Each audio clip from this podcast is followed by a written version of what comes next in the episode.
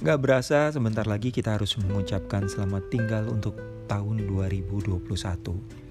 Di momen akhir tahun ini adalah saat yang tepat untuk melakukan refleksi atas apa yang sudah saya kerjakan di tahun ini. Bagi saya ini adalah tahun kebangkitan. Setelah 2020 kita benar-benar terpuruk karena pandemi. Di tahun 2021 segala sesuatunya mulai membaik. Walaupun tentu saja ancaman virus masih menakutkan buat siapa pun 2021 begitu banyak hal terjadi bagi saya, suka maupun duka. Beberapa kejadian besar menjadi pelajaran berharga banget buat saya. 2021 proyek OTT pertama saya tayang di Maret kalau nggak salah judulnya Antares dan alhamdulillah mendapatkan sambutan yang sangat baik di tahun ini juga saya kehilangan sahabat penulis yang sangat dekat kehilangan yang mengingatkan saya atas banyak hal. Betapa kehidupan begitu rapuh, betapa kita harus bersyukur atas kehidupan yang kita miliki, betapa kita seharusnya menjaga kesehatan kita dengan lebih baik. Di tahun ini, saya juga mendapat kesempatan buat menjadi produser kreatif untuk proyek stripping di TV. Ini pelajaran yang sangat berharga. Saya jadi menyadari betapa sulitnya bekerja dalam tim yang sudah dipenuhi berbagai kepentingan pribadi. Saya yang tidak pernah bekerja kantoran harus menghadapi orang-orang yang merasa terusik hanya karena saya ingin memberikan yang terbaik untuk proyek tersebut. Tentu saja kondisi itu membuat saya tidak nyaman. Maka ketika proyek itu akhirnya berakhir, saya pikir mungkin memang seharusnya begitu. Tidak ada yang perlu saya sesali. Tahun ini saya nikmati juga dengan banyak bersama dengan keluarga dan kedua anak saya. Betapa kakak tak sudah sangat besar, usianya menjelang 12 tahun, tapi tingginya sudah seperti bundanya, berarti sekitar 170 cm. Dan dede Senja yang Desember ini genap satu tahun, benar-benar membuat hidup saya begitu berwarna. Melihatnya setiap hari, semakin menggemaskan, ada aja tingkahnya yang bikin saya terpesona. Makin pinter, gemesin. Menatapnya tersenyum dengan mata berbinar membuat saya merasa menjadi manusia yang sangat beruntung. Dengan menjadi penulis, saya memang punya privilege karena bisa bekerja di rumah di dekat anak-anak saya. Betapa beruntungnya saya. Di balik rasa bersyukur dan beruntung, tentu saja hidup juga datang dengan masalah.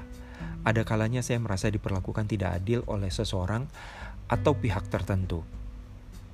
Saat saya merasa kesal, geram, emosi, saya mencoba mengingat ucapan seorang bos kepada saya yang bilang, Don, memangnya ini pertama kalinya kamu ngerasa hidup gak adil?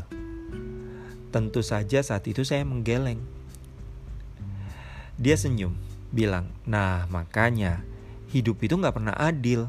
Makanya jika kita mengalami kecewaan, lupain dan bangkit lagi kerja lagi. Dia benar. Walaupun sebagai seorang Scorpio saya punya kecenderungan buat menjadi pendendam, tapi saya berusaha untuk bangkit dan berjalan lagi. Seperti yang saya baca di buku Sometimes You Win, Sometimes You Learn. Kalau kita menang, lupakan. Begitu pula ketika kita kalah, lupakan. Karena yang penting adalah terus berjalan, menghadapi apa pun yang ada di depan.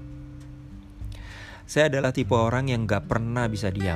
Itu sebabnya saya selalu mengerjakan banyak proyek dalam suatu waktu, mengambil pekerjaan dari beberapa tempat sekaligus. Sampai akhirnya seorang teman bilang, Don mungkin sebaiknya kamu fokus pada satu tempat saja, sehingga kamu gak kecapean loncat-loncat dari satu tempat ke tempat lain. Ucapannya itu membuat saya berpikir, sampai kapan saya mengerjakan banyak proyek dari beberapa tempat? Karena bekerja dengan cara seperti ini selain melelahkan, juga ada banyak konflik kepentingan. Tidak bisa dipungkiri, setiap production house bersaing satu sama lain. Jika saya bekerja di banyak PH, maka itu akan menjadi masalah. Mereka takut karena saya tidak sepenuhnya milik mereka. Setelah berbagai pertimbangan, terutama masalah kenyamanan, saya lalu memutuskan untuk berlabuh di satu tempat Semoga saja dengan fokus di satu tempat, maka hasilnya akan menjadi lebih baik. Akhir tahun 2021 semakin dekat.